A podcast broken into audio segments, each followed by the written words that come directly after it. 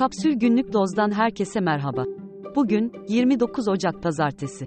Ülke genelinde hava parçalı ve çok bulutlu olacak. İç ve doğu bölgelerde buzlanma ve don olayı bekleniyor. Şimdi haberler.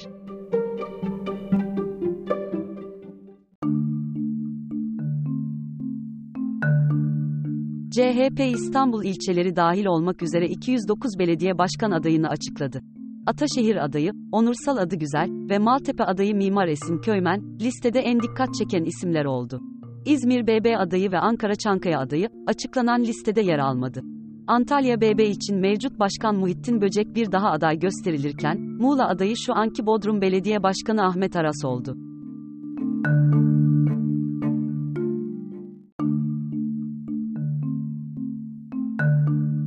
31 Mart'ta yapılacak yerel seçimde, partilerin oy pusulalarındaki yeri belirlendi.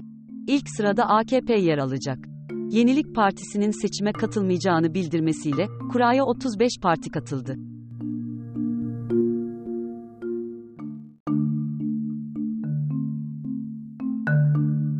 Edebiyat dünyasından 130'a yakın isim, iki yazar Mine Kırıkkanat ve Elif Şafak arasındaki intihal davası ile ilgili ortak bir açıklama yaptı. Açıklamada, bazı çevreler sosyal medyada Elif Şafak'ı hedef alan bir linç kampanyası başlattı. Paylaşımların içeriği ve üslubu, dertlerinin edebiyat olmadığını düşündürüyor denildi.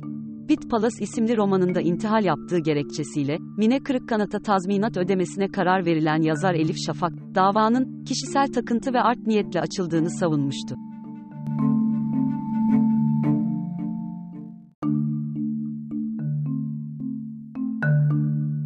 Beyin kanaması geçiren 61 yaşındaki oyuncu Settar Tanrıöğen'in, ameliyatının iyi geçtiği ve bilinci açık şekilde yoğun bakımda izlendiği açıklandı.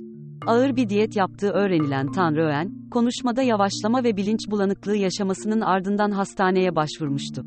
Tanrıöğen bu sezon, dünyada karşılaşmış gibi oyununda ve Kızılcık Şerbeti dizisinde rol alıyor.